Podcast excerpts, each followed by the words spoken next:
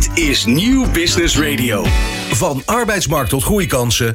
Van bedrijfscultuur tot innovatie. De Ondernemer. Live. Elke dinsdag van 11 tot 1. Live op Nieuw Business Radio. Met Remy Gieling en Jonathan van Noord. Goedemorgen en leuk dat je kijkt of luistert naar De Ondernemer Live. Mijn naam is Remy Gieling en vanuit de studio van Nieuw Business Radio hier op het eeuwig zonnige Mediapark in Hilversum zijn we ja, nog twee afleveringen verwijderd van de zomerstop. En zijn we natuurlijk weer tussen 11 en 1 te zien en te horen. Met aan de desk Jonathan van Noord, mijn gewaardeerde collega. Goedemorgen. Ja, goedemorgen Remy. Volgende week, laatste aflevering. Een hele zomerse aflevering gaat het worden. Ja, zeker weten. En ook de laatste aflevering die jij, althans vanuit die positie, gaat presenteren. Ik hoop dat we je nog steeds kunnen inbellen voor AI-vragen en, uh, en datavragen. Maar de laatste keer dat jij gaat presenteren. Precies. Maar ik ben altijd bereikbaar als jullie, uh, als jullie aan de telefoon komen natuurlijk. Bij een keelontsteking van mijn kant dan... Uh, dan, dan, kom ik uiteraard weer graag hier naartoe gescheurd in de groene mini die nu voor de deur staat. Wat, wat, wat verwachten we volgende week. Want het wordt natuurlijk een hele bijzondere aflevering ook weer. Met, uh, met heel veel, ja, een zomerstintje wat we gaan maken. Nou, Robert van der Ham, onze ja, het, zakelijke opperhoofd van de ondernemer, heeft heel wat in petto, heb ik mij laten vertellen. Ja, nou ja, uh, laten we vooral heel erg focussen op, uh, op ondernemerschap. Dat vind ik toch altijd de leukste, de, de leukste gasten. Mensen die echt met een, met een idee, een eigen zaak zijn, zijn begonnen. En laten we een beetje focussen op het, op het zomerse tintje. Daar gaan we vandaag al enigszins mee beginnen. Met, ik, ik pak het er even bij, want we hebben een breed palet aan interessante gasten vandaag geselecteerd om bij ons in de studio te komen.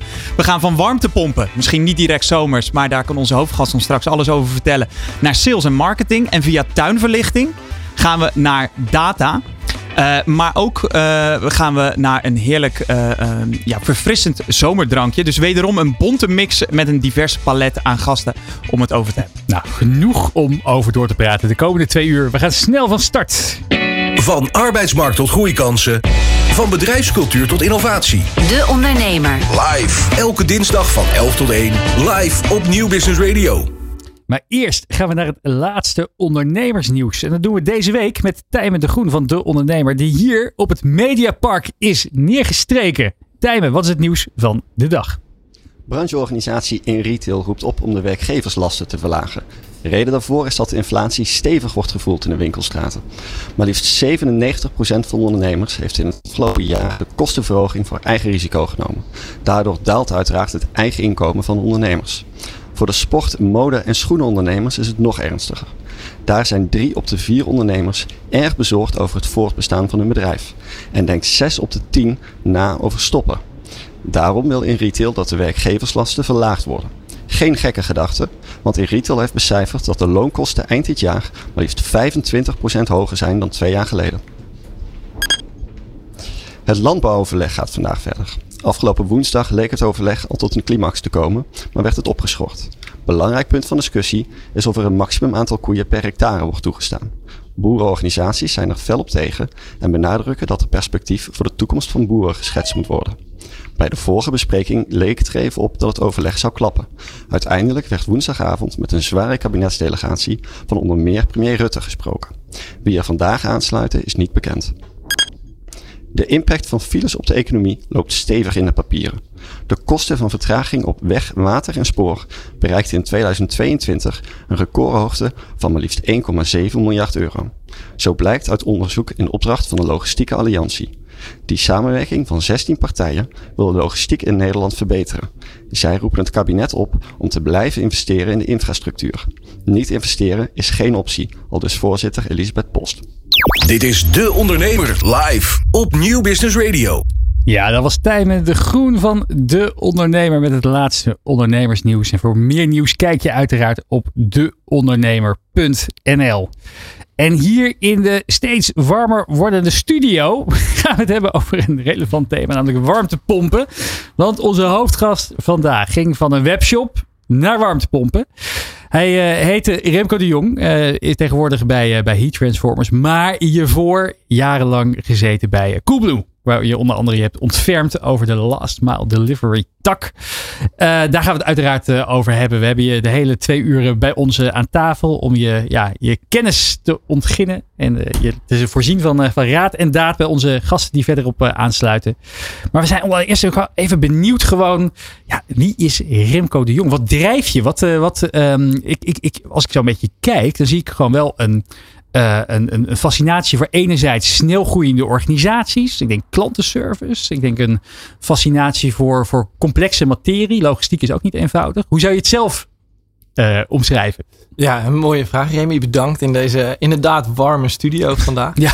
Ehm, ik denk dat je dat heel goed ziet. Dus ik word heel eh, warm, slechte woordgrappen, van bedrijven die ehm, heel hard groeien. Het enthousiasme dat daarmee gepaard gaat, maar ook de groeipijnen. Ik vergelijk het wel eens met mijn, eh, met mijn eigen groei. Op het moment dat je heel snel groeit, dan doen je polsen pijn, al je gewrichten.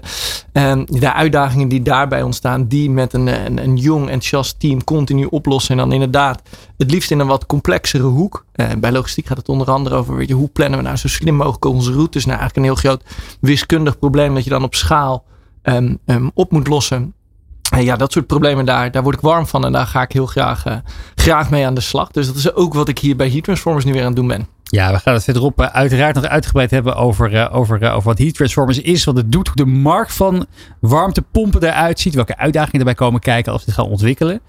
Eh, nog eventjes, even, even terug naar de stappen die je zelf hebt gemaakt daarin. Eh, eh, geboren getogen in Leeuwarden. Zeker. Via een kleine omweg uiteindelijk in, in Rotterdam terechtgekomen. Wat zijn een beetje de hoogtepunten geweest in je eigen, in je eigen, in je eigen ja, carrièrepad wat je hebt bewandeld? Wat, zijn, wat, zijn, wat, wat is je bijgebleven? Wat heb je daar wat heb je meegenomen naar waar je nu staat? Ja, ik kan, ik kan na tien jaar Coolblue zeggen dat daar heel veel hoogtepunten geweest zijn. En, en ze, ze gaan van klein tot groot. Dus eh, uiteindelijk mocht ik bij Coolblue beginnen aan het bouwen van ja, wat toen nog niet bestond, onze eigen bezorgservice. En nu heeft ongeveer heel Nederland wel eens een eh, blauwe bus of een blauwe fiets gezien.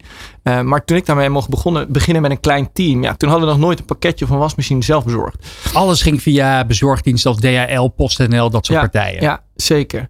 En, en ja, alleen die start al gewoon met niks beginnen en daar iets van mogen maken met de backing van de, de nou, toch wel volwassen organisatie die Coolblue op dat moment al was. Want op Ja. dat moment begon Coolblue zo'n 14 jaar al. Ehm, ja, hoe, je- hoe je dan start met z'n drieën ehm, en daar, eh, daarvan iets kleins, dus iets heel groots weet te maken en alle tussenliggende stappen, dat is heel tof.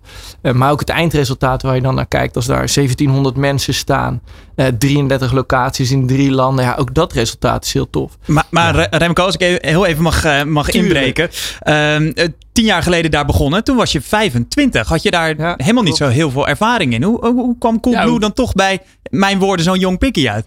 Ja, nou, ik denk dat dat, is ook weer een, eh, een, goede vraag. Ehm, ik begon bij Coolblue eigenlijk helemaal niet in de logistiek. Dus ik ben een achtergrond in marketing. Ik had een tijdje bij een online marketingbureau gewerkt. Ehm, en zag toen eigenlijk Coolblue heel hard groeien. Coolblue deed op dat moment 240 miljoen euro omzet. E-commerce was, nou, eh, e-commerce op dat moment een groot bedrijf. Ik dacht, ik moet naar Coolblue toe, want groeit hard, ontstaan veel kansen. Ik, ik begon ook in een, eh, een marketingrol, ben product owner geweest van een development team. En heb daar ook mogen bouwen aan een ander team. En eigenlijk nadat ik dat tweede team gebouwd had, kwam de vraag, joh Remco, we zijn hiermee bezig.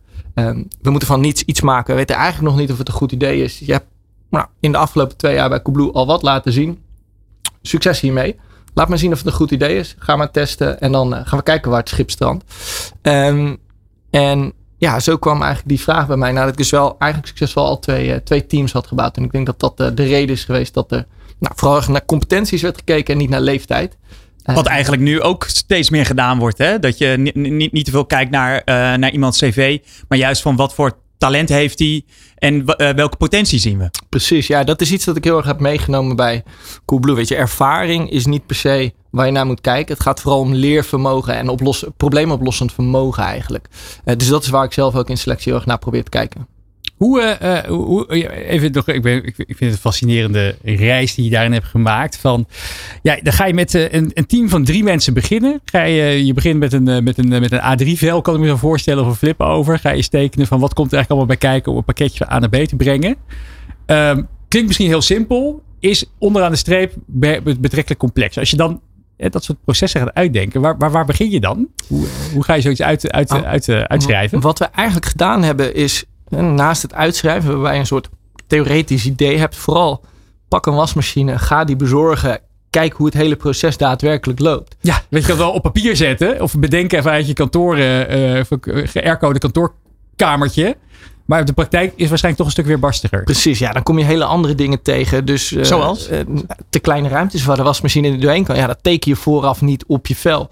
Um, of de schaal die uiteindelijk ontstaat. De organisatie die ermee ontstaat. En de aansturingsuitdaging ook. Want de, mensen die niet thuis zijn. Als ze wel thuis zouden moeten zijn voor de bezorging. Precies, wasmachines die kapot gaan. Er zitten zoveel factoren in die je nou, van tevoren niet kan voorzien. En die je toch gedurende het proces tegenkomt. Dat is... Uh, ja, dat is wat we dus ook gedaan hebben. En het plan maken en daadwerkelijk gewoon testen. En op een hele kleine schaal stap voor stap uitrollen. Ja, als je kijkt, je komt niet van dag 1 op dag 2 naar 1700. Uh, hele, hele vrolijke bezorgers kan ik altijd, kan ik altijd beamen. Hoe, um, ik denk dat het ook heel erg, dat het verschil daarin wat jullie hebben gemaakt, heel erg zit in de, in de, in de cultuur die je hebt neergezet. Hè? Dat je, ja, ik, ik, wil niet, uh, niet andere bezorgdiensten tekort doen, maar het, komt me nog wel eens voor dat er inderdaad iemand voor de deur komt die uh, dat pakketje uh, neerpleurt en, en heel snel weer weg, wegholt. Als je, al, als je aan de deur komt überhaupt. Hoe, hoe hebben jullie ervoor gezorgd dat je de juiste mensen vindt daarvoor? We hadden toevallig in de, net aan tafel hadden we het er ook over. Het begint heel met cultuurwaarde. Wat is nou de cultuur die je hebt als bedrijf? En hoe vertaal je dat dan door naar je aannameproces, naar je selectieproces? Wat voor mensen neem je aan? Wat voor gedragscomponenten uh, uh, zoek je? Nou, daar gingen we heel erg naar kijken bij de bezorgers die we zoeken. Maar het zit ook heel erg in het aansturingsmodel. Wat vraag je nou van mensen? Vraag je ze om zo snel mogelijk, zoveel mogelijk te bezorgen? Beloon je ze daarvoor? Of beloon je ze voor klanttevredenheid? Bij Coolblue meten we NPS. Uh, en dat nemen we als soort graadmeter van, van klanttevredenheid. En dat was het hoofddoel voor al onze bezorgers. En daar hebben we dus heel erg op gericht. En ja, eigenlijk door die nou, twee relatief op het oog simpele, uh, simpele keuzes richt je het bedrijf gewoon heel goed. En weet je dus uiteindelijk dat, dat ook neer te zetten dat die bezorgers daadwerkelijk zo klantgericht zijn. Ja, dat is volgens mij ook het probleem vaak bij de, de laten we zeggen, de, de concurrenten. Die moeten er geloof ik uh, meer dan 60 of zo in een uur. Ja. Uh, een, een pakketbezorger moet geloof ik meer dan 60 in een uur bezorgen. Ja, vind je het heel gek dat die aanbelt hem nog net niet uh, of nog, nog net aangeeft en dan alweer. Uh, niet overal met een heel, uh, niet overal een, een heel praatje over hoe het weer gaat houden ja, natuurlijk. Dus ja. de samenvatting is denk ik van als je inzet op service, krijg je ook servicegerichte medewerkers. Precies. Ja, dat lijkt me ook inderdaad. Hoe um, um, een van de ja, interessante stappen die ik vind dat, dat Coolblue heeft gemaakt, is dat ze natuurlijk zijn gegaan van ooit een webshop begonnen met, uh, in, met mp3-spelers notabene. Way, way back. mp3man.nl. En uh, dat het eigenlijk het bedrijf continu is getransformeerd. Hè? Dus uh, enerzijds een heel erg log logistieke organisatie geworden. Met de distributiecentra die er zijn. Met de bezorgdiensten. Het is ook een serviceorganisatie geworden. Met de, verzekeringen die erbij zijn gekomen. Maar het is ook een organisatie geworden die ook meer en meer is gaan installeren. Ik denk dat dat misschien ook wel het mooie uh, haakje straks is naar, naar, naar de warmtepompen van heat transformers. Is dat ik sprak een tijdje terug uh, Daphne, de, CFO onder andere bij, bij Coolblue. Die zei ook van ja, um, wij zijn ook heel erg aan het kijken hoe wij de medewerkers die wij hebben. We hebben natuurlijk heel veel talenten binnen Coolblue. Die ook wel eens op zoek zijn naar nieuwe uitdagingen. Uh, ja, ik kan me voorstellen dat niet iedereen tussen zijn, zijn levensdagen de, de, de wasmachines naar, naar de derde verdieping wil sjouwen. Hoe kunnen wij dat talent dat we hebben binnen huis halen en ze ook misschien wel opleiden tot, tot, tot, tot ja, nieuwe banen waar, waar, waar heel veel behoefte aan is? Bijvoorbeeld het leggen van zonnepanelen. Zeker. Is dat ook iets waar, waar jij zo naar hebt gekeken in die, in die jaren? Heb je dat ook die verandering zo meegemaakt? Of is dat anders gegaan? Het, het, het hele eerlijke antwoord is dat als je begint met zo'n kleine gerichte opdracht, hè, voor het bezorgen van wasmachines, dan is dat niet het eerste waaraan je denkt. Want als je zo ver vooruit allemaal gaat denken, dan ja, ga je geen voortgang maken. We zijn veel, veel te lang bezig met nadenken, veel te weinig met doen. Uh, dat is wel iets wat zich echt um, uh, eigenlijk gedurende het proces en gedurende de jaren heeft ontwikkeld. Dus we zagen gewoon dat er ja, steeds meer uh, aangrenzende opportuniteiten waren waarmee we uh, ons portfolio konden uitbreiden. Dus toen we eenmaal een logistiek netwerk hadden, begonnen we bijvoorbeeld fietsbezorging te bouwen. Want hey, we wisten hoe we routeplanning moesten doen, we wisten hoe we distributie moeten doen. Ja, we wisten waar, hoe we... waar moeten we altijd met zo'n busje langskomen? Ja. Precies, ja. En waarom dan met een busje en niet met de fiets? En wat is er nou leuker dan de grote Coolblue fiets met een grote smiley naast het ja. stoplicht te zien Behalve staan. als je een wasmachine moet brengen. Dat doen we dus ook nog niet op de fiets. Ik zeg ook nog we, heel, uh, heel interessant. Ja. Um, en dat soort kansen ontstaan dus stap voor stap. En als je dan ziet dat bijvoorbeeld de markt voor zonnepanelen explodeert, ja, dan kan je uiteindelijk een heel mooi groeipad maken. Waar je begint als wasmachinebezorger, waar je uiteindelijk doorgroeit via verschillende stappen naar zonnepaneelinstallateur. En waarmee je dus ook echt een, een carrière kan bieden aan een hele grote groep mensen. Hoe ehm, eh, op een gegeven moment eh, eh, heb, je, heb je allerlei stappen meegemaakt. Je werkt tien jaar voor een organisatie. Je hebt, je hebt meerdere teams gebouwd. Je hebt nieuwe business units gemaakt. Internationaal uitge- uitgerold.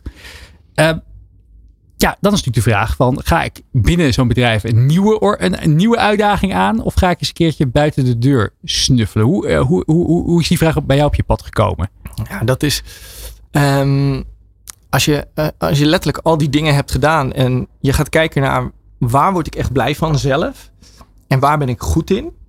En je concludeert dan voor jezelf dat het is van iets kleins iets groots maken en niet per se iets groters nog heel veel groter maken. Je zet me vooral in voor de eerste 80, 90 procent Ja, maar niet voor alle laatste punt, komma's. Ehm, ja, en je gaat dat proces in, je zit ergens tien jaar. Ehm, dan ga je afvragen, wat, wat, wat zijn de volgende kansen? Waar wil ik naartoe? En mijn dochtertje werd tegelijkertijd geboren. Eh, ik heb een dochtertje van anderhalf. Dat het besef dat zij in het jaar 2100 nog leeft, was voor mij ook echt een trigger. Oké, wat wil ik doen? Waar wil ik met nou, de dingen die ik kan inzetten? En wil ik dat dan doen om de wereld een beetje beter te maken? Ja, graag. Weet je, ja. 2100 is zo ver. Dat Ja. is voor mij echt een, oké, ik moet iets anders doen. concept natuurlijk. En toen kwamen die dingen bij elkaar. En toen eh, ja, eigenlijk besloten om eh, toch met een beetje pijn in mijn hart afscheid te nemen van Coolblue. Want Coolblue is echt een geweldige organisatie. Ehm, maar ja, soms moet je dat soort keuzes maken voor, eh, ehm, voor jezelf. En ik ben daar heel blij mee uiteindelijk. Want Ja. ik heb een hele toffe nieuwe kans bij, bij Heat Transformers. Ja, ja. En, hoe, eh, en, dan, en dan daar even over. Hoe, hoe, hoe komt dan iets nieuws op je pad? Maar het is een, eh, het is een, eigenlijk een proces geweest waarbij ik heel veel heb gehad aan mijn netwerk. Eh, dus ik ben in, in de jaren dat ik werk relatief groot netwerk opgebouwd. Een aantal mentoren om me heen ook die mij helpen met mijn eigen ontwikkeling. Ehm, en een van die mentor- mentoren die was ook in contact met Stijn en Gijs. Ik legde hem uit wat ik graag, eh, wat ik graag wilde doen, welke kant op. Dus Stijn en Gijs, even voor de, voor de luisteraar Sorry. die, die er niet bekend eh, mee zijn. Dat zijn de oprichters, de van Heat van Transformers. Heat Transformers. En zo kwam ik via via dus in contact met, eh, met Stijn en Gijs. En ehm, ja, ontstond deze samenwerking. Hoe, eh, en, en pak je dat nou aan? Ga je, ga je, ga je op eh, LinkedIn groots aankondigen van ik vertrek bij Coolblue. eh, ik open voor hashtag open for work. En Ben je, ben je met mensen gaan praten? Ben je met, ben, ben je, heb je het een beetje onder de radar een beetje her en der neergelegd? Wat was jouw tactiek geweest hierbij? Nou ja, het was eigenlijk een combinatie. Ik had een tien jaar Coolblue waarin we echt keihard gewerkt hebben om, om iets heel tofs neer te zetten. Ook wel behoefte aan een beetje rust. Dus het doel was vooral om niet te snel te starten ergens anders. Het stond in de LinkedIn post. Eh, maar ik ben vooral met veel mensen uit mijn netwerk gaan praten. Gaan kijken wat voor bedrijven vind ik interessant. Ehm, en zo stap voor stap eh, eh, ja, naar de volgende opdracht gaan kijken. Maar vooral heel rustig en niet te snel. Zo dadelijk praten wij verder met Remco de Jong over zijn nieuwe carrière bij warmtepompenbedrijf Heat Transformers. Hoe snel het bedrijf groeit en welke uitdagingen daarbij komen kijken. Maar eerst gaan we naar onze volgende gast en dan praten we over thought leadership. De Ondernemer De Ondernemer live. op Nieuw Business Radio. Ja, als ondernemer, als organisatie of als leidinggevende wil je uiteraard ja, je doelgroep raken. Je wil je doelgroep bereiken en je boodschap over de bühne krijgen. Dat kan met platte marketingteksten, maar dat is eigenlijk niet meer van deze tijd. Het gaat in 2023 over één ding. Dat is thought leadership. Via de, inhoud, via de inhoudelijke as bij je doelgroep eh, over de bühne komen. Wie daar alles van weet is Danielle Navas-Brand. Jij eh, eh, hebt daarover een nieuw boek uitgebracht. Het is een eh, werk van een Amerikaanse auteur. Die jij nu ook voor de Nederlandse markt toegankelijk hebt gemaakt. Welkom vandaag in de uitzending. Dankjewel, dankjewel. Leuk om hier te zijn. Ja, even over, over jouw achtergrond. Ja, voor de kijker en luisteraar. Ja, wat, wat doe je in het dagelijks leven? Ik ben ondernemer, uiteraard. En ehm, ik help bedrijven bij hun merkstrategie en ook eh, de uitvoering daarvan straks in het contentstrategische stuk. En dat is waar de Ask You Answer natuurlijk over gaat. Ja, en eventjes voor de, voor de, het is natuurlijk een heel breed, eh, breed begrip. eh, Ja. Bedrijven helpen bij hun, eh, bij, hun, eh, bij hun positionering. Wat voor organisaties moeten we dan aan denken? Waar specialiseer jij je in? Ja, dat is vooral business-to-business organisaties met best wel complexe producten Ja. en diensten, waar er veel vragen leven. Kunnen we een paar eh, noemen om het een beetje wat tastbaar te maken? Ja, zeker. Eh, een van de ehm, cases in het boek gaat, eh, is een IT-bedrijf. Dat is To Increase. En dat zijn ERP-pakketten. Nou, daar leven natuurlijk heel veel vragen. Wat, wat, wat, wat zijn E- ERP-pakketten? Ja, dat is een software die je gaat installeren in je bedrijf. En dat heeft heel veel grote gevolgen voor de organisatie. Dus dat doe je altijd met uh, heel veel beleid voordat je een keuze maakt om voor een ERP-pakket te gaan. Ja, even voor de kijker en luisteraar. ERP-pakketten zijn zo van de backbone van je organisatie. Eigenlijk het, het systeem waar je hele bedrijf op draait. Ja. Van de finance afdeling tot de HR. En je kan inderdaad denken aan systemen als, uh, als AFAS. Maar ook SAP wordt, vaak, uh, wordt er vaak in genoemd. En er zijn nog een heel scala aan. Kijk, dan gaat er bij mij een lampje branden. Dan weet je in ieder geval waar het, waar het inderdaad over gaat. Hey, en dan komt een bedrijf bij je langs. hoe, en, waar, waar, waar begint zo'n gesprek dan vervolgens? Nou, um, waar het mee begint is van hoe wil je bekend staan in de, in de markt natuurlijk. En hoe zorg je ervoor dat je weet waar je klant mee zit, welke vragen ze hebben en welke antwoorden ze zoeken uh, naar aanleiding van jouw producten of je diensten. En ga die inventariseren en ga daar ook daadwerkelijk antwoord op geven in je content. Even, kan je het wat tastbaarder maken? Je vindt nog een heel abstract, heel abstract gegeven. Ja, heel goed. Uh, nou, een van de cases die er ook in staan is een, um, is een bedrijf die verkoopt zelfbouwloodsen. Dus je kunt zelf je, een, een loods uh, kopen uh, in een soort pakket, net als bij de IKEA. En die kan je dan zelf in elkaar uh, gaan zetten. Maar ja, ja, daar heb je natuurlijk heel veel vragen van. Hoe moet dat dan? En wat kost zo'n loods dan in hemelsnaam? Precies. En ik heb een bedrijf een warmtepomp. Ik heb nog een loods nodig om die warmtepomp in op te slaan. Precies. Als ik er voor friend. dat, dat bedrijf levert uh, ja, een soort van IKEA pakketten voor. voor ja. en, en, en, dan, ja. en, en, en hoe gaat het dan vervolgens? Dus dan gaan we, na, gaan we bedenken van, gaan we met de salesmensen in gesprek van nou welke vragen krijgen jullie dan allemaal van die potentiële klanten, van die prospects? Ja. Laten we daar een inventarisatie van gaan maken. En zodra we die vragen hebben, gaan we die dus ook beantwoorden in allerlei blogartikelen, video's, op LinkedIn. Nou ja, op allerlei plekken natuurlijk waar die prospects zich bevinden. En dan ga je heel ver in. Dus je beantwoordt alle vragen, ook de vragen die je heel spannend vindt om te beantwoorden. Zoals, wat kost het? Wat kost het, inderdaad. Dat is de, geheid de, een van de allerbelangrijkste vragen die iedereen natuurlijk heeft. Nou, dat ga je dan uitleggen en daar ga je, uh, ja, daar ga je iemand mee helpen. Dus je, je helpt ze met open, eerlijke en transparante content om zelf die keuze te kunnen maken voor jouw bedrijf. Maar je staat er ook open voor dat ze de keuze maken die niet voor jouw bedrijf is. Want het, niet iedereen past bij jou. Niet iedereen wil een zelfbouwloods van jou hebben. Misschien wil, willen mensen wel een, echt een maatwerkpakket hebben. Nou, dan moet je niet naar de IKEA gaan, toch? Dus dan ja. moet je ook niet bij deze zelfbouwloodsen gaan. Nee, dan moet je naar een maatwerkloodsenbedrijf uh, gaan. Nou, daar zijn ze dan ook open, eerlijk en transparant in. Wil je iets op maat hebben, dan moet je niet bij ons zijn. Ja, dus je gaat eigenlijk die bedrijven helpen te bekijken dat welke vragen spelen er en hoe kunnen we die het beste beantwoorden via alle mogelijke kanalen, ja. zodat waar ook maar de vraag door je prospect gesteld wordt, dat Precies. ze als eerste in ieder geval bij jou uitkomen. Direct vindbaar wordt. Ja, ja exact. Hoe, uh, hoe, ga, hoe ging het in het verleden? Hoe, uh, voor, voor, uh, dit, is, dit is het thema thought leadership inderdaad. Mm -hmm. Je bent als eerste de, waar mensen aan denken als het gaat over vragen over, nou in dit geval, de, de, de loodsen, loodsen, loodsen neerzetten. Hoe ging, dat, hoe, hoe ging het in het verleden? Hoe gingen we reclamespotjes inkopen? Ja, ik denk dat in het verleden dat mensen vooral gingen vertellen hoe goed ze waren en hoe fantastisch ze waren. En kom vooral bij mij. En dat is dan het liefst iedereen als Wij het even van kan. BC Eend. Precies, zoiets moet je aan denken. Terwijl bij de Ask You Answer gaat het om echt de autoriteit te worden door het open, eerlijk en transparant te vertellen. En niet vanuit jezelf praten, maar vanuit de klant bedenken. Van wat heeft die klant nodig om voor hem of haar de allerjuiste beslissing te nemen. Ja, dus dadelijk gaan we even kijken naar dat boek wat je ook hebt meegenomen vandaag. Ja. Uh, ik was eigenlijk ook wel even benieuwd naar onze, onze hoofdgast van de AGMCO. Je bent natuurlijk ook uh, ja, uh, inmiddels, inmiddels bij Heat Transformers, we hebben het al een paar keer genoemd, maar hiervoor bij Coolblue. Ik denk ook een van de, ja, als, als het gaat over de, de merken met de, de hoogste aaibaarheidsfactor, met de hoogste merkwaardering in Nederland, dan staat Coolblue toch altijd wel ergens in de top ook. Uh, hoe, kijk jij naar dit, uh, dit thema, dit, uh, dit, deze thought leadership? Ik denk dat Coolblue daar ook zich heer en meester in heeft gemaakt. Ik zie altijd op YouTube allerlei recensievideo's voorbij komen. Ja, dus ik denk wat, wat Daniel heel erg aankaart, wat heel sterk is, is het vanuit de klant. Dus wat heeft die klant nou nodig om een besluit te maken? Of het nou een prijs is of een uitgebreid blogartikel over hoe een warmtepomp werkt. Dat is denk ik in de kern wat Coolblue doet en wat is denk ik ook in de kern wat Daniel eigenlijk met het boek aangeeft. Ik denk dat klantgericht denken of klantgericht ondernemen het belangrijkste is dat je kan dan wel moet doen als ondernemer. Ja, precies. Als het nu even gaat over de, over de warmtepompen, dan kan je, ja, je kan een vermogen uitgeven aan out-of-home reclames, radiocommercials, over nou, je Google AdWords campagnes. Op het moment dat iemand op warmtepomp zoekt, dat hij een, een hele mooie advertentie bovenaan krijgt te staan. Je kan het dus ook via die inhoudelijke as doen. Dat je inderdaad via blogartikelen, video's vragen gaat beantwoorden. Hoe doen jullie dat nu?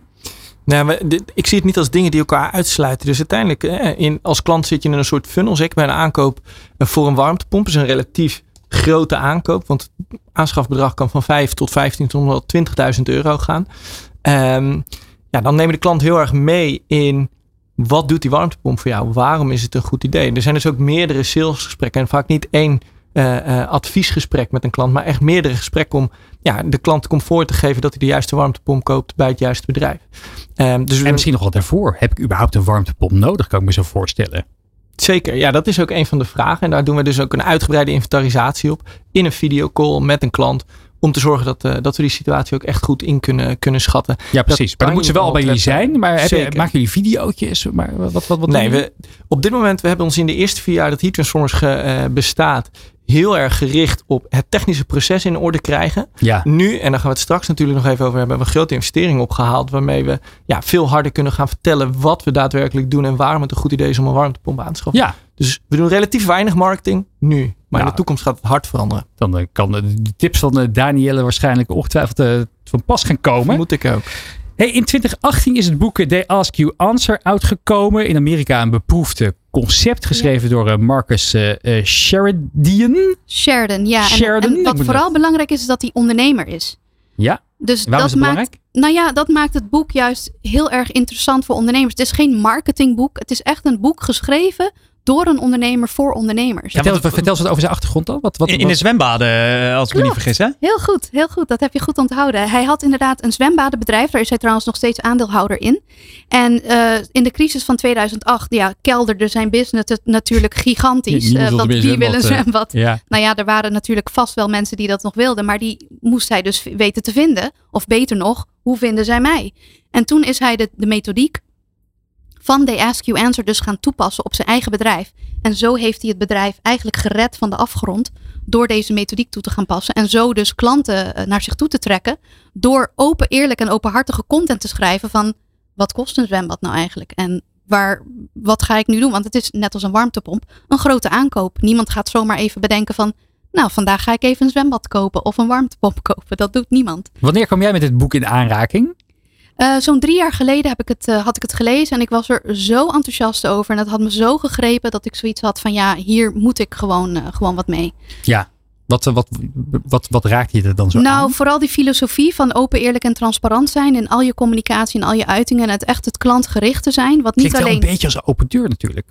Is het ook. Als je het leest, dan denk je ook van de, Ja. maar toch doet niemand het. Ja, maar, maar- Ik ben, ik ben heel graag intransparant en niet helemaal eerlijk naar mijn klanten maar, toe. maar d- Ja. d- dat is de grote vraag die ik heb. Van, het klinkt zo logisch. Je maakt een video, Het is je vertelt, Absoluut je geeft antwoord op de vragen van een klant. Het, het, het lijkt bijna een soort marketingschooltje. Van ja, dat moet je doen. Waarom doen ondernemers dit nog niet? Wat, wat, wat houdt ze tegen om een eerlijk verhaal te vertellen? Omdat het toch wel heel erg spannend is als je met je prijzen gaat wapperen op je website. Of als je gaat vertellen als ik niet geschikt ben voor jou, wie dan wel? Dus je gaat het over je concurrenten hebben in open, eerlijk en transparante manier. Van hé, hey, je moet niet bij mij zijn, maar ga vooral naar deze top 5 andere mensen die hetzelfde doen als ik. Of andere bedrijven die hetzelfde doen.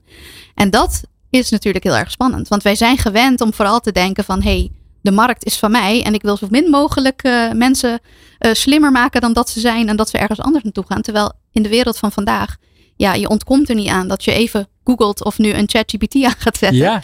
en allerlei eh, andere dingen vindt. Want is het misschien dan ook zo dat de klant echt wel slim genoeg is om achter die informatie te komen? Dus dan kan jij het beter zelf geven Precies. om transparant en eerlijk over te komen. Wat Wees vertrouwen dan wekt. degene die, het- die, die het ze geeft, die ze die informatie geeft. En zo word je dus die autoriteit. Als je dat durft, ja, dan, eh, dan ben je natuurlijk spekkoper. Wat zijn nou organisaties, sorry wat zijn nou organisaties die hier echt in voorop lopen? Eh, nou, ik denk dat de drie cases in het boek heel erg voorop lopen. Dus Krofman, die gaat echt tot het gaatje om, eh, om eh, hun klanten verder te helpen. Zoals, Wat, wat is dat voor bedrijf? dat is die loodsenbouwer. Ja. Van mensen, de vragen die mensen hebben is, wat voor vergunning heb ik dan nodig als ik zo'n loods ga plaatsen op mijn terrein? Nou, dat is een hele grote vraag. Een van hun grote afzetmarkten is Duitsland. Ze hebben een Duitse tekstschrijver. Die is helemaal in Duitsland in al die Bundeslanden gedoken. Met allerlei eh, eh, overheden en instanties gaan praten. Van hoe zit het nou met die vergunningen? Dus ze gaan heel ver om die klant te helpen met die vraag te beantwoorden. Terwijl het eigenlijk, ja, kan je ook tegen je klant zeggen. Weet je, zoek het lekker uit. Ja. Heb je nog, ik, wil, ik, weet je, je, je hebt, ik heb drie mooie voorbeelden. Wat, eh, wat, waar, waar kunnen Ja, we die meer aan andere denken? is, eh, is Homey. En dat is, eh, zit een beetje in de warmtepompen. Zij zijn een, een platform waar installateurs bijvoorbeeld bij terecht kunnen, maar ook consumenten. Om na te denken over wil ik een warmtepomp en hoe dan en hoe zit dat dan? Mhm. En wat zij doen is zij geven dus zoveel informatie dat die mensen die sowieso niet kwalificeren voor een warmtepomp, bijvoorbeeld de locatie is helemaal niet geschikt. Of ze hebben helemaal niet het budget om het te, te kunnen doen. Ja. Of ze kunnen die, dat geluidsoverlast misschien niet aan of iets dergelijks. Daar zijn ze dus open, eerlijk en transparant in. En dat betekent dus dat de mensen die, die wel bij hun aankloppen, die zijn al zo opgevoed dat ze al weten van hé, hey, 9 van de 10 keer wordt het een, gewoon een klant van ons. Ik zie, eh, ik zie Remco ondertussen metaal eh, meepennen. eh, lustig meepennen. Ik heb een boek mee hoor voor je Remco. er net ook al even over gehad. Dus eh, de, dat, gaat zeker, dat gaat zeker gebeuren. Ja, maar ik kan me voorstellen dat mensen zich ook afvragen van, nou, weet je, dat, ik, ik, ik, ik zie hier wel wat in. Ik denk dat het inderdaad een goed idee is als ik mijn klanten eh, ga helpen. Misschien ook inderdaad een stukje eh, eh, inbound marketing wordt het ook al genoemd natuurlijk. Dat mensen inderdaad jou weten te vinden. In plaats van dat je altijd maar extern op zoek moet gaan naar eh, waar, waar, waar, waar die klanten te vinden zitten. Dan moet je, heb je natuurlijk ook de vraag van via welke kanalen moet ik dat gaan doen? Je hebt tegenwoordig zoveel mediakanalen waarbij je dat kan gaan doen. Je kan denken dat je filmpjes, ik ken mensen die filmpjes maken voor TikTok. Die, de mensen die op Instagram zitten, die blogs gaan maken. YouTube is een groot kanaal. Ja. Je kan gaan podcasten. Dat is tegenwoordig ook, eh, ook eh, eh, mega, mega relevant. ja, weet je, je, je koopt er twee microfoons en eh you're in business. Of we huren Daan Prins in om, om het even voor ons in elkaar te mixen. Maar waar moet je beginnen? En wat, wat zijn nou de goede kanalen? Want je kan niet, veel, veel organisaties zullen ook herkennen, ja, je kan niet allemaal tegelijk gaan doen. Er zijn gewoon de budgetten of de aandacht niet voor. Precies. En ook daar, Remy, begint het weer waar jullie het net over hadden met Remco. De klant staat centraal. Welke kanalen vind je jouw klanten? Op welke kanalen zijn ze actief? En daar ga je dan als eerste mee aan de slag. En het begint natuurlijk met de content die je op je website plaatst. Dus dat is dan de hub van alle informatie. Dat is je single source of truth. Daar leeft alle content. En van daaruit ga je dan kijken van... hey, welke kanalen passen bij mijn klanten? Waar kan ik ze vinden? Voor veel van mijn klanten is dat bijvoorbeeld LinkedIn. Maar dat kan ook natuurlijk TikTok zijn. Nou, ga daar dan die content eh, vriendelijk voor dat kanaal maken. Eh, dus kat hem om naar dat kanaal. En ga dan daar ook eh, jezelf profileren met de content. Door behulpzaam te zijn. En voor de luisterende ondernemers die denken van ach, nou dan huur ik eens eh, een stagiair in en die schiet eh, eh, een paar video's en drie maanden later zijn alle vragen van mijn klanten beantwoord. Wat ziet die dan niet wat jij wel ziet? Want ik kan me zo voorstellen dat het veel langer duurt dan, dan een ja, maand of drie. Ja, the ask you answer is nooit klaar. Het is ook echt een cultuurshift. Je gaat je helemaal focussen op welke vragen en informatie en problemen die je klanten hebben. En daar ga je op inspelen. Dus het is ook nooit af. Het is een cultuurverandering. En wat wij zien eh, bij de organisaties die we hiermee hebben geholpen, is dat het ze zowel intern als extern heel veel brengt. En dat moet je dus echt wel goed aanpakken. Dat is niet zomaar een stagiair eh, erop zetten. Kan natuurlijk, dat is een goed begin. Maar ik zou daarna wel zeker eh, gaan, gaan nadenken over hoe kan ik dit serieus eh, meer, eh, meer body gaan geven. Het boek is nu sinds een maand pak een beet ook Ja. in het Nederlands verkrijgbaar. Dankzij jouw eh, kundige vertaalwerk en ook de kundige eh, hand die je daaraan hebt gegeven. Hij heet nog steeds They Ask You Answer. Dus je moet toch wel eh eventjes oppassen als je hem gaat bestellen. Dat je niet per ongeluk de Amerikaanse versie in je bol.com of managementboek.nl winkelmandje doet. Wat, voor wie is het boek uiteindelijk geschreven? Wie moet dit bestellen? En wie kan het beste links laten liggen? Want je zei net al, het is niet voor ieder, niks is voor iedereen. Nee, het is inderdaad voor die ondernemer die durft. eh, die, eh, nou ja, als je ondernemer bent, dan denk ik inherent aan, aan ondernemerschap is dat je durft. Eh, maar dat je inderdaad durft je klant voorop te stellen en die centraal te stellen. Daarnaast is het ook super geschikt voor sales teams, sales professionals. Want je gaat ook die content inzetten in je salesproces. Om dus te pre-kwalificeren. Een beetje wat we net met de warmtepoppen zagen. En het is uitermate geschikt voor content managers. Dus mensen die bezig zijn met content creëren voor hun organisatie. They ask you, nee, they ask you answer. Moet ik het wel goed zeggen? Is nu verkrijgbaar in het Nederlands bij de Betere Boekhandel, bol.com en natuurlijk managementboek.nl. Danielle Nagelsbrand, ontzettend bedankt voor je komst. En ik eh, hoop dat veel ondernemers gebruik zullen maken van jouw kennis die je daarin hebt gedeeld. Dankjewel. Dat hoop ik ook. De Ondernemer. Live op Nieuw Business Radio. We praten verder met Remco de Jong van Heat Transformers. Hij maakte na tien jaar de overstap van Coolblue naar het ondernemerschap. En heeft nu de rol van COO in de marktleider in warmtepompen, lees ik hier. Hoe word je marktleider in warmtepompen? Ja, dat is een redelijk jonge markt. Dus Ja. als je daar vroeg bij bent, snel veel warmtepompen installeert, dan word je, warmte, oh, dan word je marktleider. Ehm, en men, zoals ik eerder zei, vooral heel erg focus op het technische proces. Dan zie je gewoon dat heel veel, eh, zowel consumenten, maar ook leveranciers je weten te vinden. Ja, dan ontstaan er hele mooie samenwerkingen. Wat, eh, eh, voor- ja, ik, ik, ik zit niet thuis in de markt van warmtepompen. Wa- wat doet een warmtepomp exact? Ja, een warmtepomp heeft eigenlijk, zoals het al vrij duidelijk zegt in de naam, de belangrijkste functie om warmte in je huis te pompen. Eh, je hebt heel veel verschillende soorten warmtepompen. De meest voorkomende warmtepomp is een, eh, soort van eh, lucht-water warmtepomp. En die neem ik eigenlijk een groot deel van je waarschijnlijk bestaande ketel over om het water te verwarmen dat in jouw radiatoren, vloerverwarming zit. Om op die manier te zorgen voor een warm huis zonder heel veel gas te verbruiken. Wat, hoe, ja, hoe verhoudt dit zich- tot een traditionele cv-ketel? Ja, traditionele cv-ketels draaien op gas. Warmtepompen draaien op elektriciteit. Warmtepompen hebben een nou, zogenaamde coefficient of performance van 4 tot 5. Wat betekent dat een warmtepomp een, eh, één unit van energie, dus van elektriciteit, om kan zetten in 5 units warmte. En daarmee is het een heel efficiënt apparaat om je huis te verwarmen. En een cv-ketel heeft dat maar één keer? Of ja, een rendement van eh, nou, 90 tot, tot, tot 98 procent ongeveer. En daarmee is een warmtepomp in principe vijf keer zo efficiënt om je huis te verwarmen. Eh, en om dus gas, gasverbruik te reduceren Ja. en daarmee onze CO2-impact. Ik wou net zeggen, want het is natuurlijk eh, eh, leuk al het gas. We hebben er heel veel aan gehad de afgelopen jaren. Maar het is niet de meest duurzame weg naar de toekomst. Eh, kunnen we denk ik redelijk unaniem wel stellen. Wellicht denk zal er een enkele luisteraar hier anders over denken. Maar die wensen we een... een die kan zich in ieder geval in deze aflevering Dat zijn niet beter op een klanten, andere, op een andere, ja, precies, op een ander kanaal gaan richten. Hoeveel warmtepompen zijn er in Nederland? Ik lees hier dat er in 2022 ruim 123.000 warmtepompen werden verkocht. Een groei van 80% Ja, klopt. Eh, dat is het. En de markt die gaat door veranderende regelgeving nog extreem hard groeien. En waarschijnlijk wel keer vier. En niet alleen in Nederland, maar ook in de landen om ons heen. Die echt nog wat minder ver zijn in de ontwikkeling van warmtepompen.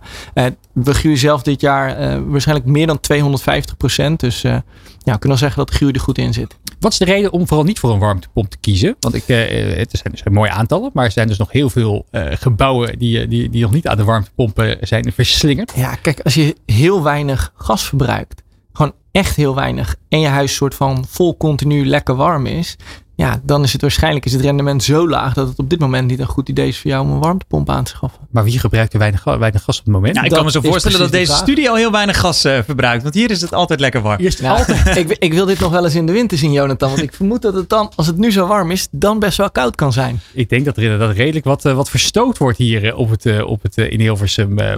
Wat, daarnaast is natuurlijk ook wat je vaak hoort. Volgens mij is dat, dat, dat, dat, dat het een best een hoog basisinvestering is. Klopt dat? maar, Weet je, het is in de eye of the beholder. Maar ja, precies. Het ligt er een beetje aan wat je een hoge investering vindt. Je hebt al een warmtepomp van zo'n 5.000 of 6.000 euro. Daar gaat dan ook nog eens een subsidie van wel 2400 euro of meer af. Mhm. En ja, en als je kijkt, als je relatief veel gas verbruikt, je hebt al zonnepanelen liggen, dan kan de terugverdientijd makkelijk onder de vijf jaar zijn. ja, Ja, ik ken niet veel investeringen waarop het rendement 20% is. Dus eigenlijk is het gewoon een hele goede investering. Ja.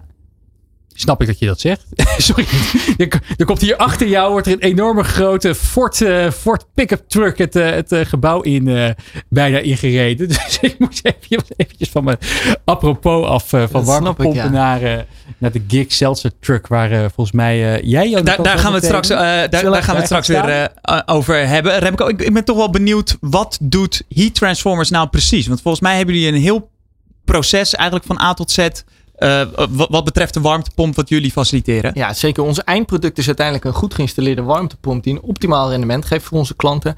Wat wij doen om dat te bereiken is eigenlijk, we hebben een soort tweezijdig platform ontwikkeld. Wat aan de ene zijde de klantreis voor de consument super ehm, eh, of zo eenvoudig mogelijk maakt, gegeven het complexe proces. Wat houdt dat in?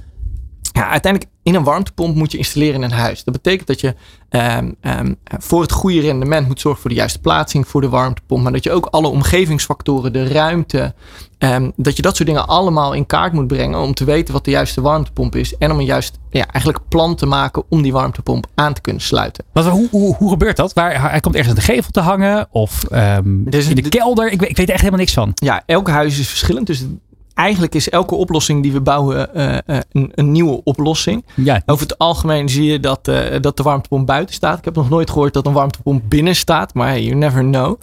Ehm, en dat is voor geluidsredenen. nee, wat een warmtepomp eigenlijk doet, is hij pakt warme lucht uit de buitenlucht. Ja. En je zeggen, ja, er is niet altijd warme lucht in de buitenlucht. Maar ook als de lucht koud is, zit er in die koude lucht warmte die de warmtepomp onttrekt aan de lucht. En die vervolgens gebruikt om het water te verwarmen. Dus daar moet hij altijd buiten staan. Mhm. Ehm, je ziet dat die eh, eh, vaak op platte daken staat, ergens in de tuin. Er zijn heel veel verschillende situaties om hem te plaatsen. En hoe groot is ding? Is een soort airco waar je aan kan denken? Nee, het is wel iets groter dan een airco. Ik denk dat als je hem ja, moet visualiseren. En het ligt er wederom aan wat voor unit je koopt. Dus, en ze gaan van kleine units met een klein vermogen naar hele grote vermogens. Ehm, maar ik denk nou, dat je ongeveer aan een kubieke meter of zo moet denken. Die, je- die je ergens vrij moet hebben om, eh, om de warmtepomp te kunnen plaatsen. Ja, en hij, en hij vraagt dus stroom in plaats van gas. Dus het Ja. is ook nog een beetje afhankelijk inderdaad van hoe je stroomvoorziening thuis is. Hoe die, eh, of dat een beetje efficiënt ge- eh, geleverd kan worden, kan ik Ja. me voorstellen. Ja, zeker. Uiteindelijk als je zonnepanelen hebt, dan, dan wek je natuurlijk de meest groene elektriciteit op die er is. En als je dat voert aan de warmtepomp, ja, dan veel beter voor, voor deze planeet wordt het niet. Ja. Wat is, wat, wat is een beetje jullie eh, klantprofiel op het moment? Wat voor, wat voor type mensen kopen een warmtepompen? Ehm, je zou je niet verbazen, maar het zijn overwegend mannen, omdat het een vrij technisch product is. En zie je dat mannen zich vaak, eh, vaak hierin verdiepen eh, en uiteindelijk dat, dat product bij ons kopen. En de klantgroep is echt heel breed, van jonge huiseigenaren tot ja, mensen die, die, die ehm, echt een, een stuk ouder zijn. Dus we hebben niet wat dat betreft één heel duidelijk profiel van, van onze klanten. Maar wel altijd de huiseigenaren natuurlijk. Ja, over het algemeen zijn het huiseigenaren, maar ook woningbouwverenigingen die in projectvorm ehm, ehm, hun woningen willen verduurzamen. Ja. ook daar kunnen we heel goed bij helpen. ehm, omdat het eigenlijk niet echt uitmaakt of je eigenaar bent van het huis of je de woningcorporatie bent. En het gaat gewoon om dat wij die woning weten te verduurzamen met die warmtepomp. Maar dit klinkt alsof jullie voornamelijk ook op, op consumenten eh, gericht zijn. Eh, nu, nu heet het programma De Ondernemer Live. Is, eh, is een warmtepomp voor, eh, voor bijvoorbeeld een winkel of een, of een kantoor interessant? Ja. Ja, zeker. Het is een, wel een heel ander type warmtepomp. Dus het type warmtepomp dat je gebruikt om een eh, eh, hè, huis te verwarmen, consumenthuis, heeft een heel ander type dan eh, dat je groot kantoorpand gebruikt. Wij focussen ons vooral op consumenten. Ehm, ja, als daar bedrijfspanden bij zijn die, die lijken op woonhuizen, dan is dat zeker een hele goede kans. Ehm, maar over het algemeen zie je dat het echt consumenten zijn die hun eigen huis verduurzamen. Ze zijn er dus wel, warmtepompen voor, voor, voor grote panden. Maar dan zit je waarschijnlijk aan he- grotere, grote installaties heb je daar waarschijnlijk mee Ja, te maken. grote installaties. Wat je ook kan doen bij appartementencomplexen is gewoon meerdere warmtepompen plaatsen die veel vermogen hebben om zo het hele appartementencomplex te verduurzamen. Dus ook dat Ja. zijn opties. Hoe, eh, hoe eh, ehm, eh, ik heb volgens mij nog nooit gehoord van een markt die eh, met 80% groeit. Hij- Toen jij dit hoorde, was je verbaasd? Of dacht je, nee, dit is wel een hele logische vervolg van de, nou, de, de, de, hype rondom zonnepanelen, wat we al jaren mee hebben gemaakt? Ja, eigenlijk dat laatste. Als je de, de, de achterliggende principes ziet van wat de warmtepomp doet, welke uitdagingen wij voorstaan en, en, en welke reductie in CO2 we willen reduceren, dan zie je dat uiteindelijk de warmtepomp de beste investering is die je kan doen om CO2 te reduceren. En met de veranderende regelgeving ja, is 80% eigenlijk nog maar het begin. Ehm, dus ik was verbaasd, maar vooral heel enthousiast over de kansen die het gaat bieden en eh, de groei die het, eh, die het ons uiteindelijk kan gaan geven. Nog één overdenking. Hè? Je zit met, met waarschijnlijk heel veel klanten in gesprek. Wat, eh, wat is de reden waarom ze uiteindelijk niet voor jullie warmtepomp kiezen? Ja, daar zijn heel veel redenen voor. Voor sommige klanten is het rendement aan de lage kant. Dus als je richting een terugverdientijd van 7, 8 jaar gaat en een rendement van 10%, dan kan je afvragen of je die investering nu Ja. wil doen. Ehm, soms zijn er ook geen geschikte oplossingen voor klanten. Eh, dus ook dat komen we nog steeds tegen. Ja, hebben ze geen ruimte voor misschien? Of is het, eh, is het, eh, is, is, is inderdaad het gebouw niet geschikt? Ik heb ook wel eens gehoord trouwens dat, dat het inderdaad vooral geschikt is voor hele goed geïsoleerde gebouwen. Is dat een mythe? Of is dat wel ergens op gebaseerd? Ja, het is eigenlijk een van de mythes die, eh, eh, die er zijn rondom warmtepompen. Ja, ik moet eerst mijn huis helemaal geïsoleerd hebben van A tot Z, want anders heb ik hier niks aan. Nou de grap is eigenlijk dat een beetje het omgekeerde werkt. Kijk, het, het- je warmtepomp kan efficiënter draaien als je huis beter geïsoleerd is. Maar als jij meer gas verbruikt, kan de warmtepomp meer impact hebben op reductie van je gasverbruik. Dus eigenlijk die installatie, ook als je veel gas verbruikt, is een prima optie. Hebben we die eh, mythe in ieder geval uh. We gaan snel door naar onze laatste gast van dit eerste uur. Dit is De Ondernemer live op Nieuw Business Radio. Ja, en we hebben natuurlijk onze hoofdgast eh, Remco Jong, die jarenlang hoog in de boom zat bij Coolblue. Dus het leek ons wel toepasselijk om de laatste minuten van dit eerste uur af te sluiten met een webshop-ondernemer. Aangeschoven Melvin van de Bruinhorst van Enjoy the Sun, dat zich richt op de verkoop van tuinverlichting. Klopt, ja. Welkom. Dankjewel. Leuk om hier eh, te zijn op deze zonnige dag. Ja, inderdaad. Mooie dag om ook in de tuin te zitten, een beetje aan het eind van de dag natuurlijk. Of op het balkon. Ja, nee, zeker. zeker Wat, ja. ehm, eh, ik, kan, ik- ja, je kan je in het leven kan je je op eh, honderdduizend eh, zaken richten. Je kan ja, webshops starten in, in kleding tot nou ja, MP3-spelers ooit. Hoe Pieter Zwart en de Cornuiten ooit, ooit het, de, grond, de grondvesten van Coolblue legden. Jij besloot je op tuinverlichting te, te storten. Hoe is, dat, hoe is dat zo op je pad gekomen? Ja, dat is wel een vraag eh, die ik natuurlijk vaker heb gekregen. Ehm het gebeurd tijdens de, de, eerste lockdown met corona. Ik werkte in de horeca toen. En ehm, nou ja, toen kwam ik eh, thuis te zitten. Alles ging toen op slot. En wij hebben ook een, eh, een bed and breakfast thuis met piepelwagens. Dat zijn van die omgebouwde huisjes in de, in de tuin. Ja. Ehm, en ik zocht daar lampjes voor. Dus dan ga je, je hebt heel veel tijd. Je zit thuis, er gebeurt niks, de hele wereld staat stil. En ik ging kijken en toen kwam ik sodalampjes tegen. Ik dacht, hé, hey, dat is leuk. En ook makkelijk. Je hangt het op en je bent eh, klaar. Ja. Ehm, maar ik vond het een beetje saai ontwerpen allemaal. En solarlampjes zijn gewoon een lampje met een klein zonnepaneeltje erin. Ja. Zodat ze altijd eigenlijk eh, ook, ook draadloos eh, aan kunnen zijn. Zonder dat je hele ingewikkelde stroompunten hoeft aan te leggen. Ja, ja inderdaad. Ehm, ja, gemak dient de mens. Dus ja, dat leek me wel fijn. We hebben bomen, struiken. Je, hey, je kan het overal ophangen. Ja. Ehm, en, maar ik zag wel vooral een beetje eh, saaie ontwerpen, vond ik zelf. En eh, misschien leuk om te weten, de, de B&B-kamers bij ons hebben de namen appel, peer en kes. En toen kwam ik een lamp tegen in de vorm van een peer. Ik denk, nou, dat is leuk. Een, een solarlamp. Ja. Nou, dus ik eh, helemaal de wereld van online lampen in. solarlampen. Gedoken. De hele... Nou, een kerst gevonden. En ook nog wat kleine appeltjes. Niet helemaal wat ik zocht. Nou, dus nou, die gevonden. Maar ik dacht wel, ja. Ik Waarom is dit zo Ik moest moeilijk? heel ver. Ik Ja. heb ze uiteindelijk volgens mij via eBay uit Engeland moeten laten komen. Ehm, en ja, ik heb altijd wel een soort van, eh, denk ik, ondernemersgeest gehad. Dus als ik dan iets zie en ik kan niet vinden. En ik denk dat heel veel mensen dat leuk vinden. Dan gaan er bij mij wat dingetjes gebeuren. Wat radertjes draaien. En ehm, nou ja, ik eh, ben dus gaan kijken waar, welke leveranciers zijn er. Ehm, en kan ik hier iets leuks voor opzetten online.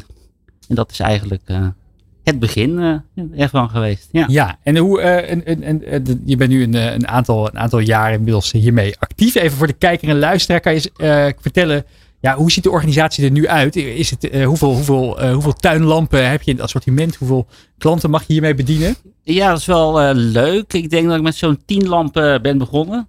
Ehm, en we zitten nu op rond de 150 verschillende lampen. Dus dat, dat, dat breidt zich mooi uit. En allemaal solar. Eh 98% Er zijn een paar. eh, ik heb niks op, eh, op stroom. Maar ik heb wel lampen die dan ook via een USB-kabel opgeladen kunnen worden. En met een timer erop. En dat vind ik ook wel heel leuk. Het gaat er in ieder geval om. Dat kun je ook los ergens plaatsen. Dat is wel een beetje het idee. Maar dat zijn een paar enkele, maar die kon ik niet laten staan. Die vond ik zo leuk. Ik denk, die wil ik ook verkopen. Ja. Ja, zo gaat het dan. Ja. Ehm, maar 98% is, is allemaal op zonne-energie. Ja. Wat voor klanten eh, vinden, je- eh, ja, bedien je zo al? En, en, en hoe vinden die klanten jullie ook? Want eh, ja, ze kunnen natuurlijk kijken op Enjoy the Sun, dat weten ze nu. Maar hoe, hoe vind je normaal gesproken de klanten die, die je zoekt? Ehm, ja, hoe ik ze vind is. Ja, ik heb wel gezien, je moet echt wel wat geld en tijd steken daarin. Je komt er anders gewoon niet bovenuit eh, Ja. tegen de mensen, de, de shops die er al zijn. Je bedoelt nu denk ik eh, eh, Google optimalisatie. Dat je bij, Ja. als iemand zoekt op, ik zoek een solar powered buitenlamp in de vorm van een kers. Dat ze bij jou uitkomen. Ja, ja zeker. Ja, je gaat gewoon, ja, Google is gewoon het ding. Je zoekt iets en dit zijn wel dingen. Net zoals ik zat toen thuis, je zoekt een sodalampje. De eerste drie, daar moet je bij zitten. Dus daar heb ik me heel erg eh, op gericht. Ehm, Google optimalisatie. eh, Google Ads. Dus da- bovenin die producten die daar voorbij komen.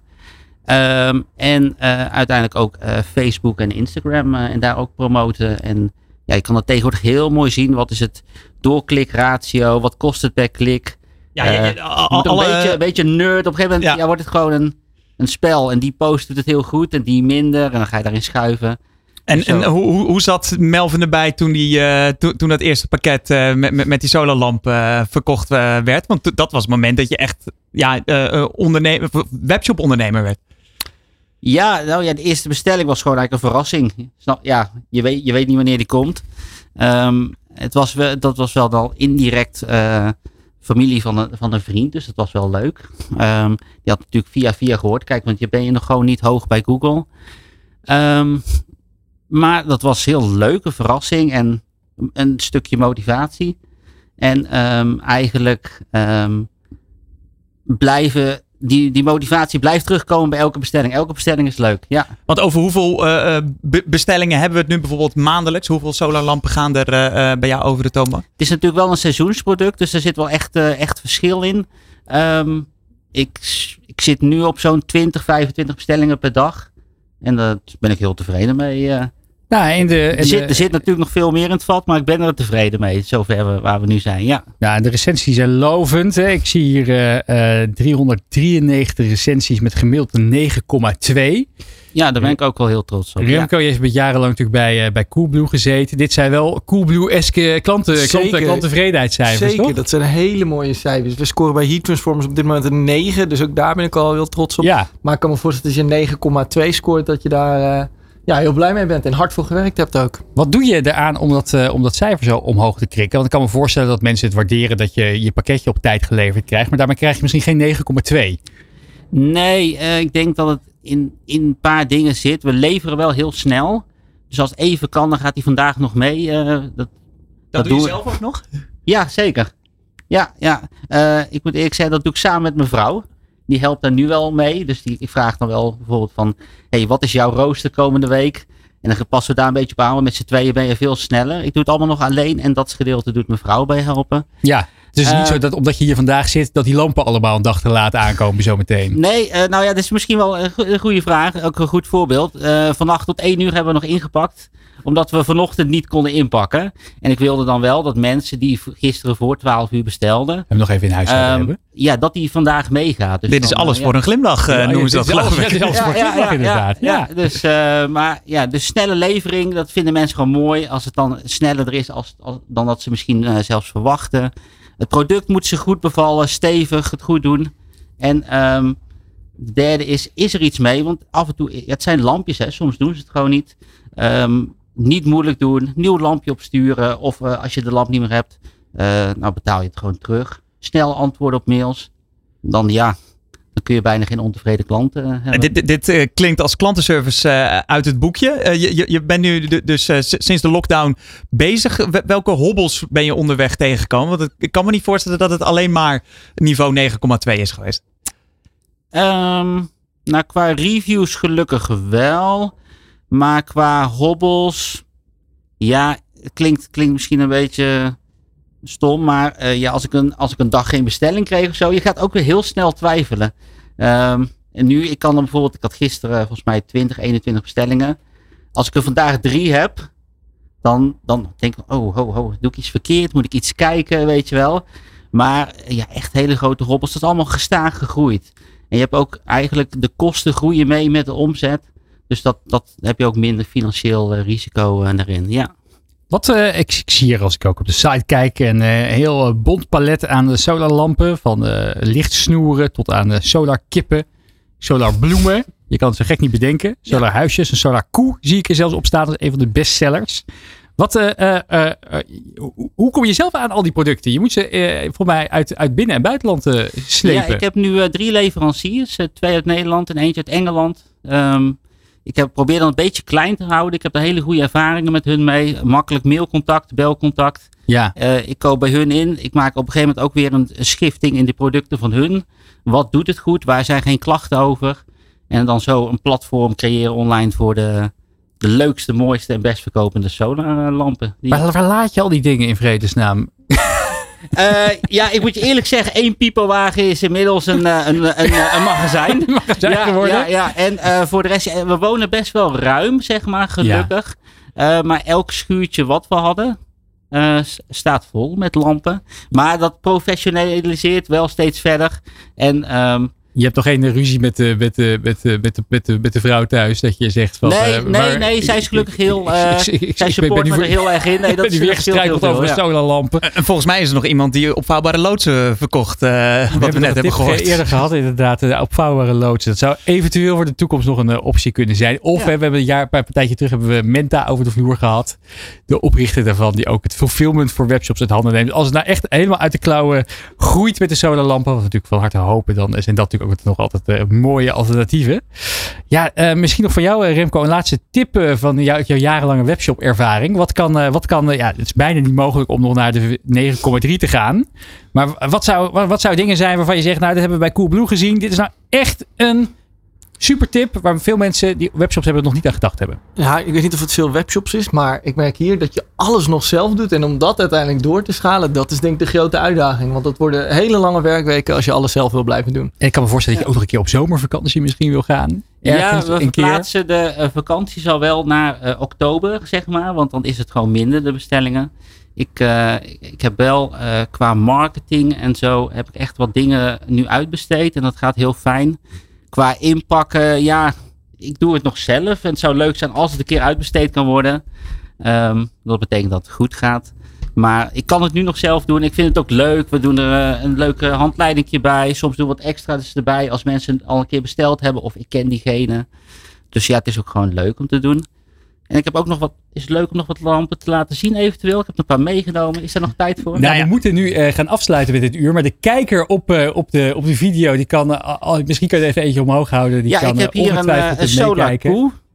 Eh, is heel leuk, want het is tuindecoratie, maar ook tuinverlichting in Ja. één. Eh, nou ja, overdag eh, is gewoon heel leuk om te zien.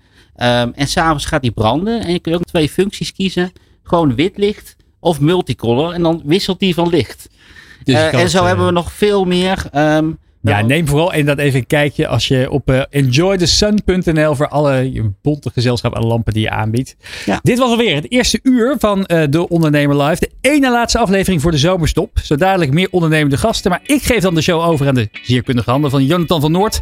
Die samen met eh, ja, Remco het programma voortzet. En natuurlijk met Roland Tameling die ook weer aanschuift. Volgende week ben ik er terug voor de allerlaatste keer. Blijf dus vooral nu even kijken en luisteren. En heel graag tot volgende week. Van arbeidsmarkt tot groeikansen. Van bedrijfscultuur tot innovatie. De Ondernemer. Live. Elke dinsdag van 11 tot 1. Live op Nieuw Business Radio.